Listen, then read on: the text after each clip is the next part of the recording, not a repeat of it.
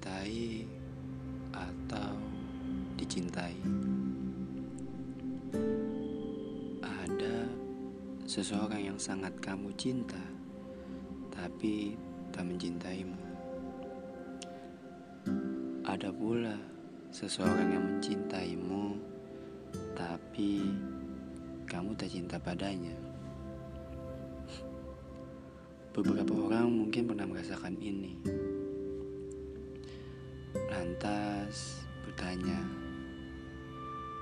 lebih baik mencintai atau dicintai.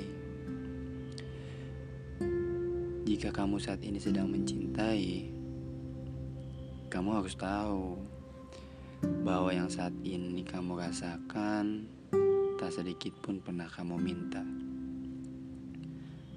Hatimu dijatuhkan pada seseorang tanpa izin. Kamu hanya menerima apa-apa yang dianugerahkan. Begitu pula sebaliknya. Jika kamu saat ini dicintai seseorang, sadari bahwa ia tak pernah sedikit pun meminta Tuhan menjatuhkan hati padamu. Ia tak pernah memintamu menjadi alasan di setiap perjuangannya.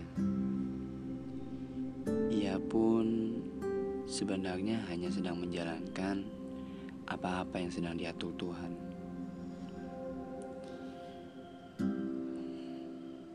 Jadi, bisakah kita memilih untuk mencintai atau dicintai?